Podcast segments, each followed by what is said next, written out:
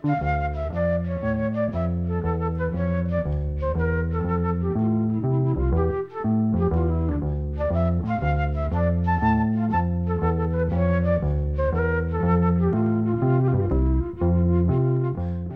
sæl. Góðtemplarareglan á Íslandi er merkileg hreyfing sem var bísna fjölmennum ára byll. Á nokkrum stöðum á landinu voru samgómu hús góðtemplara þar sem að fundir voru haldnir en húsin voru líka nótuð fyrir aðra starfsemi eins og leiklist, dansleikahald og alls konar samgómur.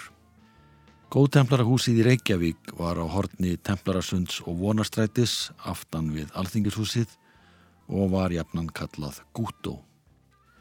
Þar voru haldinn böll um helgar og líka í miðri viku. En þegar aðsóknin fór að dala um miðja síðustu öld ákvað dansstjórn skemmtiklúps templara að efna til danslagakefni. Bóðið var upp á veglega peningavellun í tveimur flokkum og síðan var sett auðlýsing í blöðin. Þetta hafið þau áhrif að það bárust 17 lög sem var skipt upp í annars vegar gömludansana og hins vegar í nýjudansana. Leigubílstur í Reykjavík var höfundur tveggja laga, annars vegar lags sem endaði í fymtasæti og hins vegar lagsins ástartöfrar sem hlut fyrstu velun í nýjudansunum. Það vildi svo til að þessi leigubílsturi hafði reyndar ekki hugmynd um það að lögin hans hefði verið sendin í keppnina. Hann var því mjög hissa þegar hann hlusta út af útsendingu frá keppninni og heyrið það tilkynnt að lag eftir hann hefði hafnað í fyrsta seti.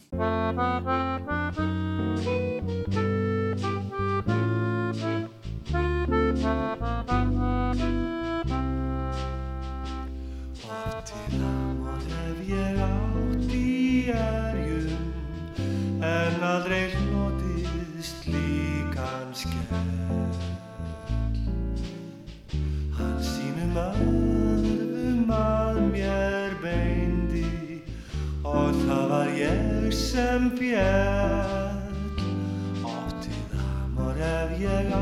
ég átti erjum Er hann mitt öðrum hefur beitt Ástin á núguminn og aftur get ég ekki minnst að við nám veit Ég fjallað fótum þér fyrir gefðu mér að ég skuli unna þér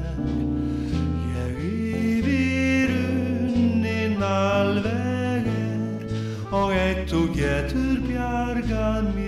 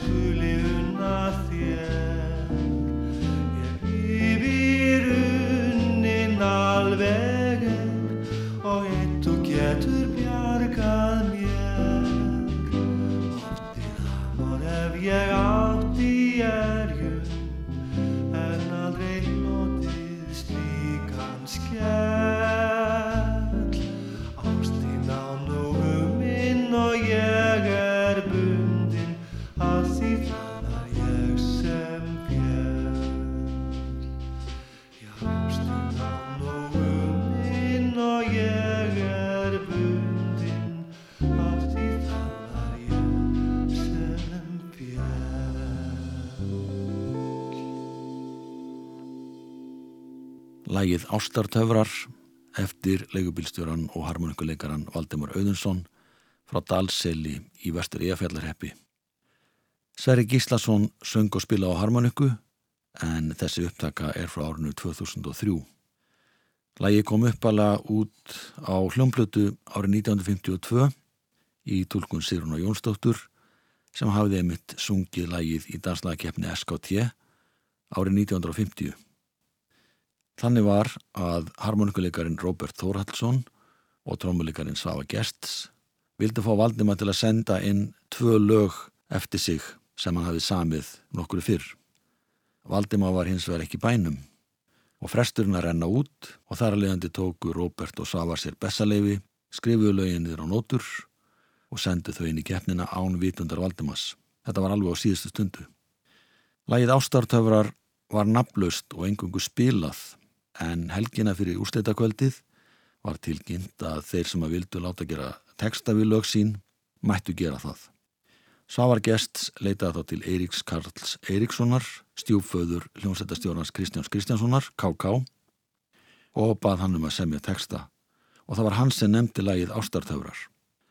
Þetta hefnaðist það vel að lagi lendi í fyrsta sæti og Valdimar fekk 500 krónur á launum og var til þess að hann sendi lag sem heiti Stjarnalífsmins í keppnina árið eftir.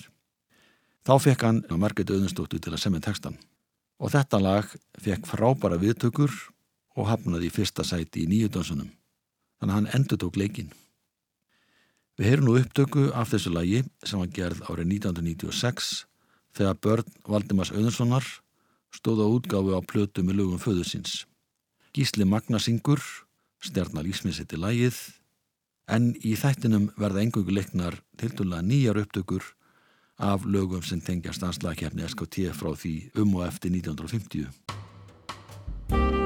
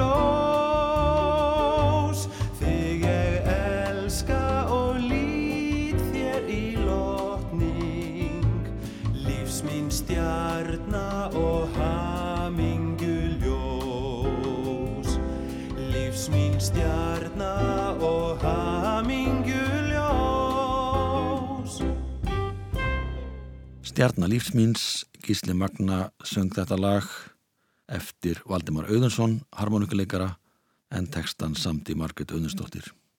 Valdimar fættist árið 1914 og byrjaði ungur að leika á harmoniku. Hann var ekki með 14 ára þegar hann fór að spila á dansleikum heima undir eigaföllum. Hann flutti síðan til Reykjavíkur þar sem hann stundaði leigubilagstur hjá Borgabíl. Valdimar ákvaða að flytja aftur í sveitin ára 1964 og kefti þá jörð í Rangavallarsíslu. En á meðan hann var í Reykjavík þá spilaði hann víða á dansleikum samt í nokkur ágætis lög sem að heldur nafna svo lofti. Þar á meðal er lagið Vegna minningana, lag sem hafnaði þrýðarsæti danslagkeppni félags Íslandska dægulöguhöfunda sem haldin var árið 1957. Og það er aftur Gísli Magnassin syngur, þeir sem annars hljóðfærarleik eru pínuleikarin Kjartan Valdimarsson, kontrabassaleikarin Þórður Högnarsson, gítaleikarin Guðmundur Pétursson, trommarinn Gunnlaugur Brím og sásenspilur á saxofón er Óskar Guðjónsson.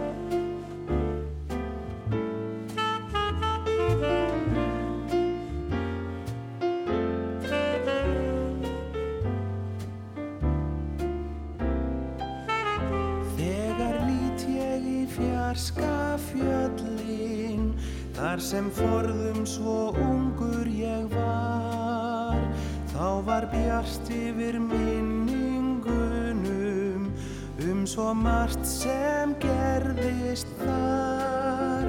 Er ég klifraði háa hjalla Upp í hæstu brúnir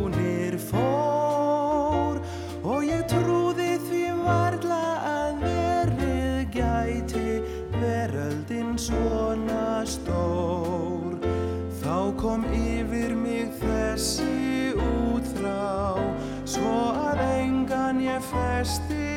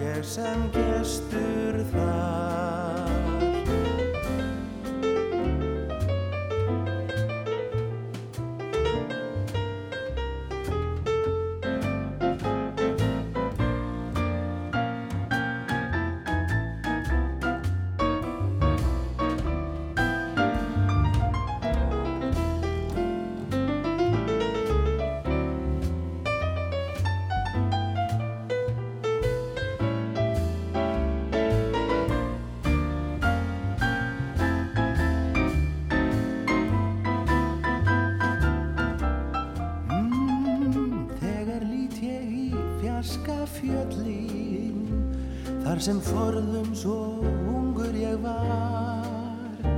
Þá var bjart yfir minningunum Um svo margt sem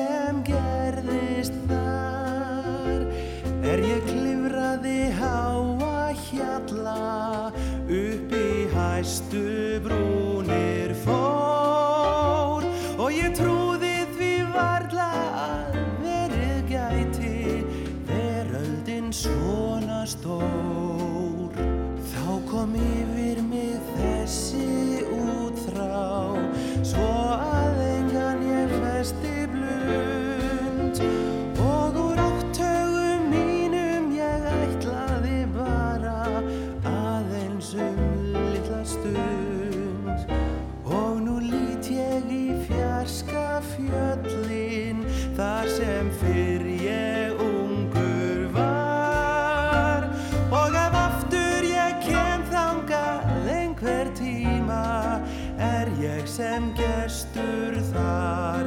Og ef aftur ég kem þangað einhver tíma er ég sem gestur þar.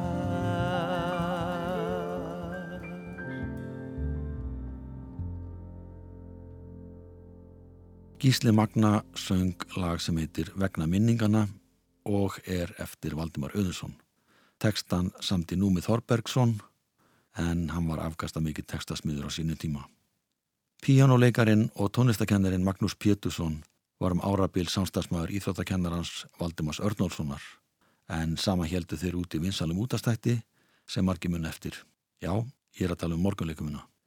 Magnús var ágætu lagasmiður eins og kom í ljós þegar sendi lög í danslagakefni SKT árið 1951. Annað þessara laga heitir Vala kæra Vala og það fekk mjög góðar viðtökur áhörfunda í sall en líka meðal þeirra sem voru heima og hlustu útarpið og gátti kosi og sendi natkvæði sín. Lægið hafnaði í öðru sæti í nýju dansunum og það var næst og eftir lægi sem heitir Stjarnar lífsminns og er eftir Valdimar Auðunsson. En lægið Vala kæra Vala var síðan gefið út á nótum eins og önnur verðlunarlög í keppninni en það var samt sem áður ekki fyrir nárið 1959 að Erla Þorstensdóttir hlurita þetta lag í Kaupanahöfn og kom þótt að hljómbluti hér á landi í lok júli. Við heyrum lagið í flutningi Margreðar Kristina Blöndal sem er betur þekkt sem Maggastína og það er hljómsettin Ringir sem annast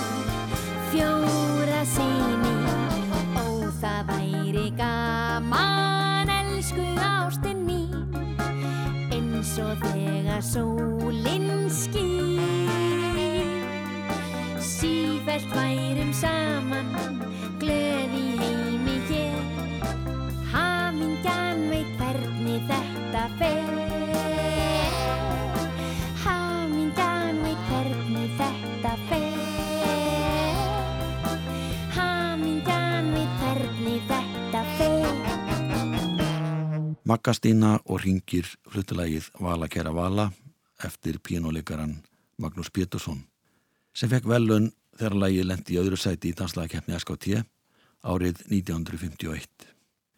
Þá var lægið sungið sem duett Hauku Mortens og Solveig Tórarensen sunguða en það er ekki til upptaka frá úrslitakvöldinu þó að kefnin hafi verið útvarpað.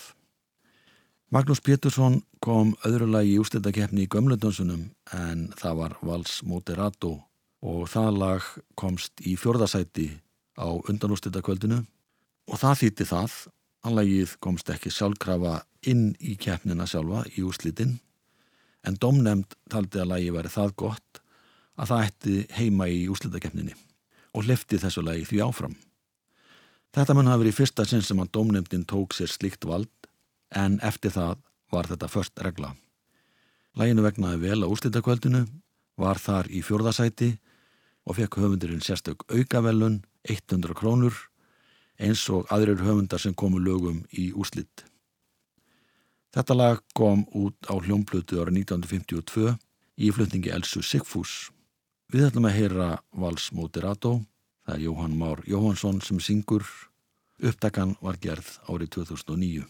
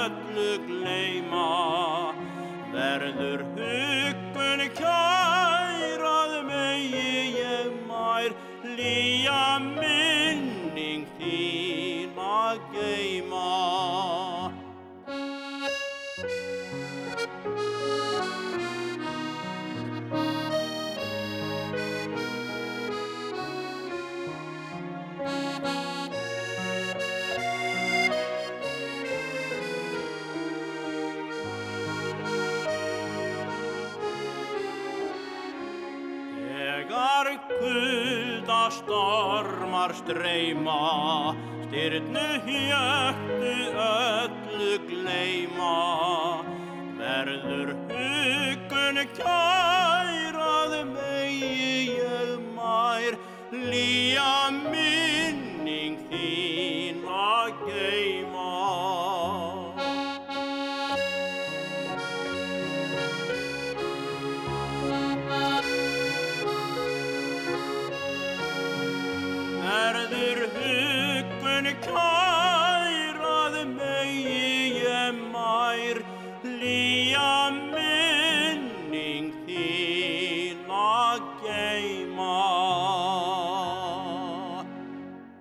Jóhann Mór Jóhansson söng Vals Moderato eftir píjónuleikaran Magnús Pétursson.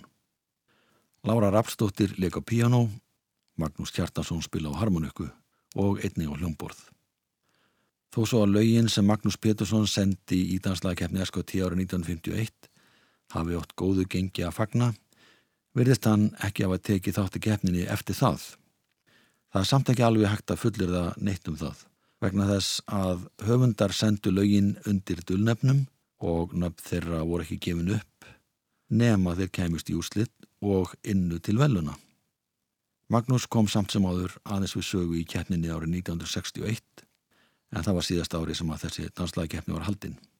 Magnús var nefnilega ágætur tekstasmiður og samti teksta fyrir lagafundin Lullu Nóadóttur sem hétt fullunafni Guðleif Ágústa Nóadóttir. Lægið heitir Hvar er brunin og það lendi í öðru sæti í nýjudönsunum í danslagkeppninni árið 1961. Ragnar Bjarnason söng lægið þá með hljómsveit Svavas Gests og síðan tók hann þetta lag upp löngu setna, nánadildegi árið 2008 og var þá með hljómsveit undir stjórn Agnars Más Magnússonar píjánuleikara.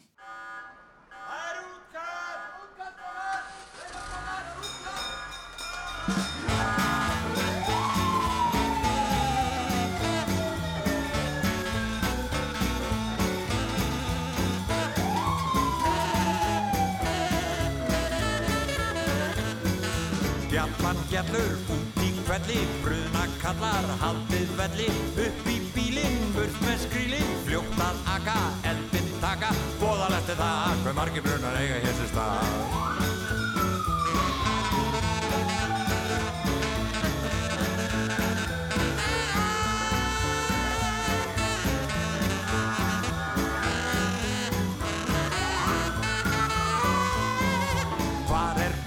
Sástu brunan, ég hef grunin, þart er bunan, komdu vinnur, en sá reykur, hviss og kvinnur, ég verð smegur, bóðalegt er það, hver margir bruna eiga hér sér stað.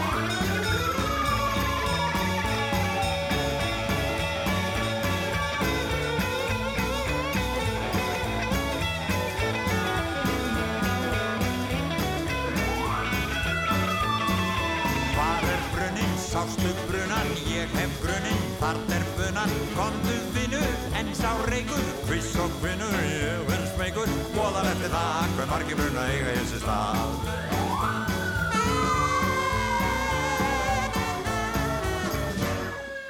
Bóðalegt er það, en ég held þeir séu lagðir aftur á stað.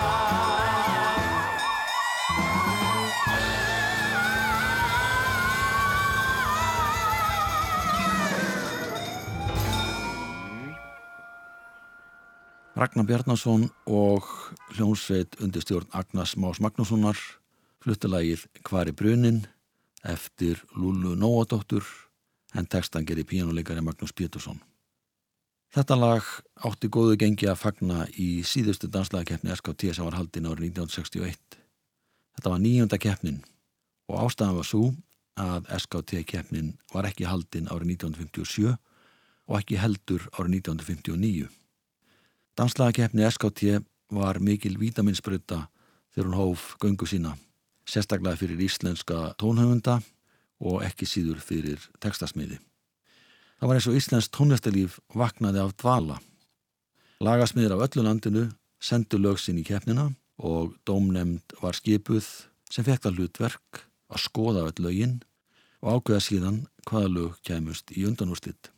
Yfirleitt voru þetta millir 30-40 lög sem að tóku þátt í undanúslitum en stundum voru ekki nógu mörg lög sem voru sendin í keppnina eins og til dæmis fyrsta árið en þá bárust einhverju 17 lög 7 í gamlu dansunum og 10 í nýju dansunum. Þetta breyttist rætt því árið 1953 bárust alls 95 lög og í dómnefnd það ár voru Karl Billi píjánuleikari, Óskar Kortes ljónstastjóri og Þorlóti Stengriðsson fiðluleikari. Þriðjungu þessara laga töldust til gömludansana og tveir þriðju til nýju dansana. Flestir sendu lögin á nótum og letu texta fylgja með en það var samt ekki algilt. Því nokkru tilfellum voru engi textar. Lögin sem voru textalös mættu yfirleitt afgangi, sum þeirra komur samt sem áður áfram. Eitt þeirra sem sendi inn fimm lög þar að fjögur án texta í keppnina 1953 var breyðfyrðingurinn Egert Torberg Kjartansson sem kom ekki einu einasta lagi í undakefni. En rúmlega sex áratugum setna gerði sónur hans Snorri Pétur Eggesson texta við lögin fjögur sem voru textalus og þar á meðal er lag sem heitir Vals á vori.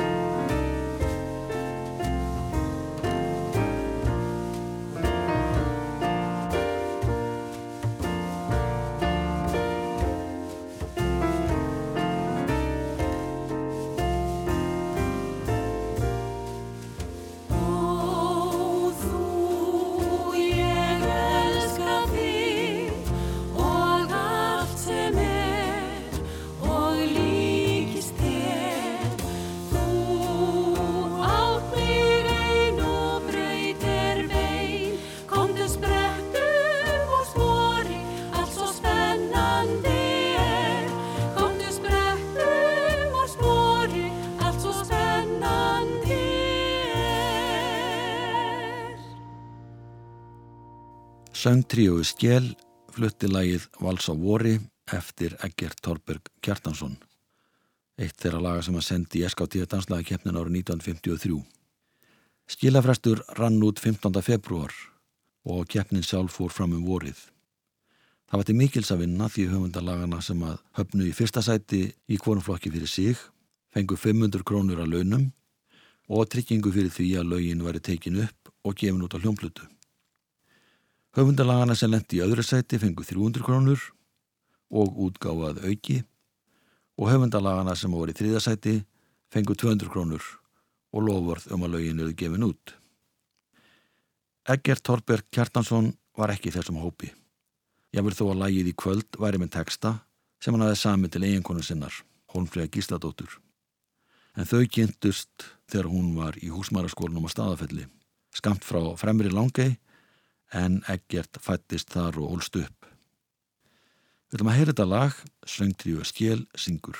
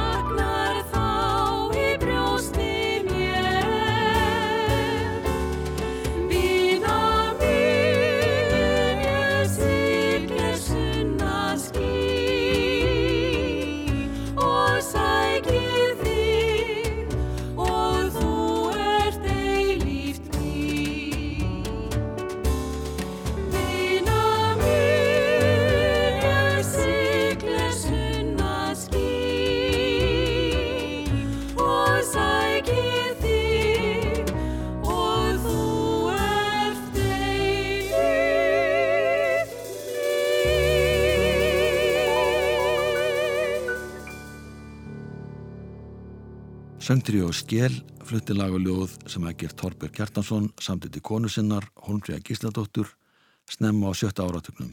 Þetta er eittir að laga sem hann sendi í SKT danslagakeppnin árið 1953.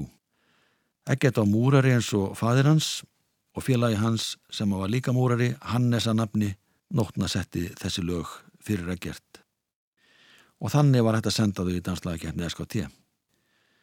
En eins og framögu komið þá voru lögin ekki valindi keppni og nóturnar glötuðust þar sem þær verist ekki að vera senda tilbaka. Eggert spilaði hans á gítar og söngrinda lengi með múrrakórnum, börnin hans lærðu öll á ljófari og líka dans, þannig að tónlistin var alltaf nálag á heimilinu. Eggert söng eitt þessara laga fyrir elsta svonsinn Kjartan, hann útsætti lagi fyrir kór, en löngu setna söng Eggert þrjú lög til viðbútar fyrir Lilju dóttu sína, þetta var um 70 árum eftir að sendi lögin í SKT-kjernina, en eitt lagið var hann um algjörlega glimt. Lilja tók sér til, útsetti þessi þrjú lög, hafði reynda tekið upp á símansinn, hljómsetti þau á rattsetti fyrir söngtríó sem hljóruðaði þau síðan. Og Snorri Pétur, bróðir Lilju og sonur Ekkis Hónfríðar, samt í texta við lagi sem við heyrum hér, það heitir Sælu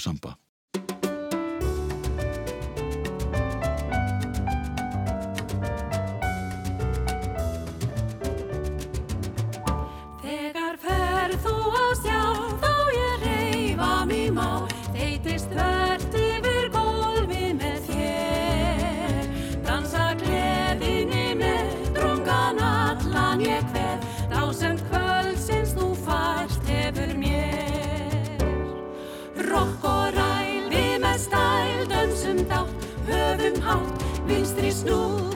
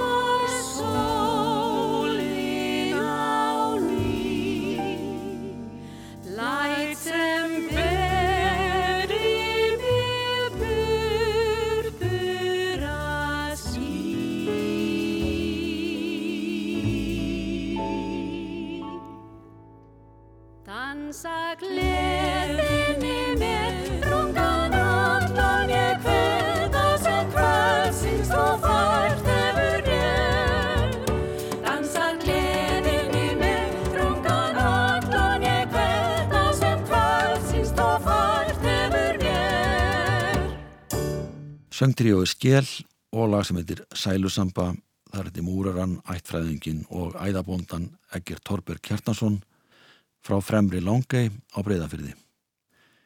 Eitt er að laga sem Eggert sendi í keppnina hjá SKT er kent við fæðingastæðin Langei en þar byggur forföður hans frá því um miði átjöndu öld og er staðurinn ennþá í eigu ættarinnar.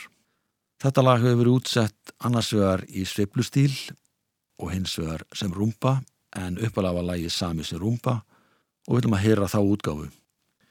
Þær sem syngja og skipa söngdrífuð skjel eru Særún Rúnudóttir, Kristín Sigurðardóttir og Lili Eggersdóttir, dóttir Eggerts.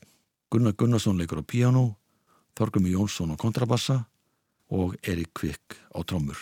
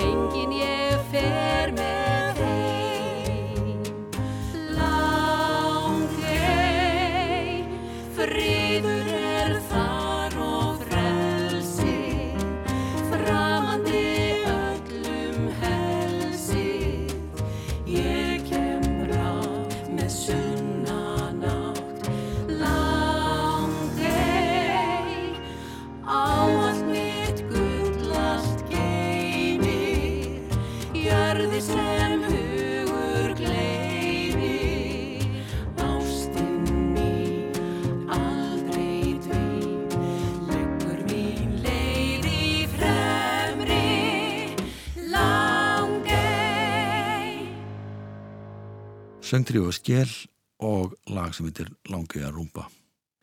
Eitt þeirra sem tóku þátt í danslagakeppni SKT með því að senda inn eigin lög en var einnig textahöfundur var Jenny Jónsson. Hann fættist á Ólasvík en ólst upp að mestu á Patricksfyrði. Jenny bar æti sterkar tilfinningar til æskuslóðan á Patricksfyrði. Hann flutti til Reykjavíkur rúmlega þrítugur og hafði þá fengist við harmonikuleik frá 8 ára aldri en það var alls eða á þessum tíma að ungmenni sem voru komin yfir fermingu spiluði fyrir dansi. Máli var það að það spurði enginn að því hvort að hljófarlengar væri nú gama til að komast inn á ballið en það kannski ekki komið svo regla að fólk til að vera tvítugt ef að krakkarnir sem að spiluðu gáttu haldið upp í balli heilt kvöld þá var það alveg nú. Þegar Jenny var komið suður spilaði með hljómatríónu en þar voru einnig Jóhann Eymundsson og Ágúst Pétursson. Ágúst fjast talsvert við lagasmíðar, eins og Jenny. Það sem að Jenny var ágætlega hagmaltur, samti hann meðal annars texta fyrir Ágúst, þar að meðal við lag sem heitir Æskuminning og þetta lag hafnaði öðru sæti í nýju dansunum í danslagakefni SKT. Við viljum að heyra þetta lag í tólkun Egil's Ólussonar. Verðið sæl.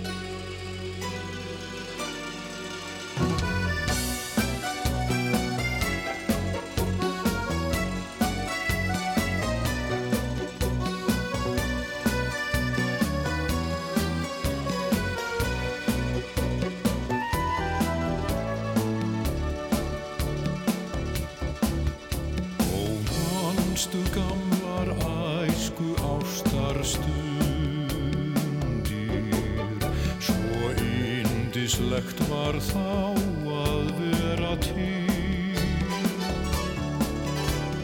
Lítla kofan blóma brekku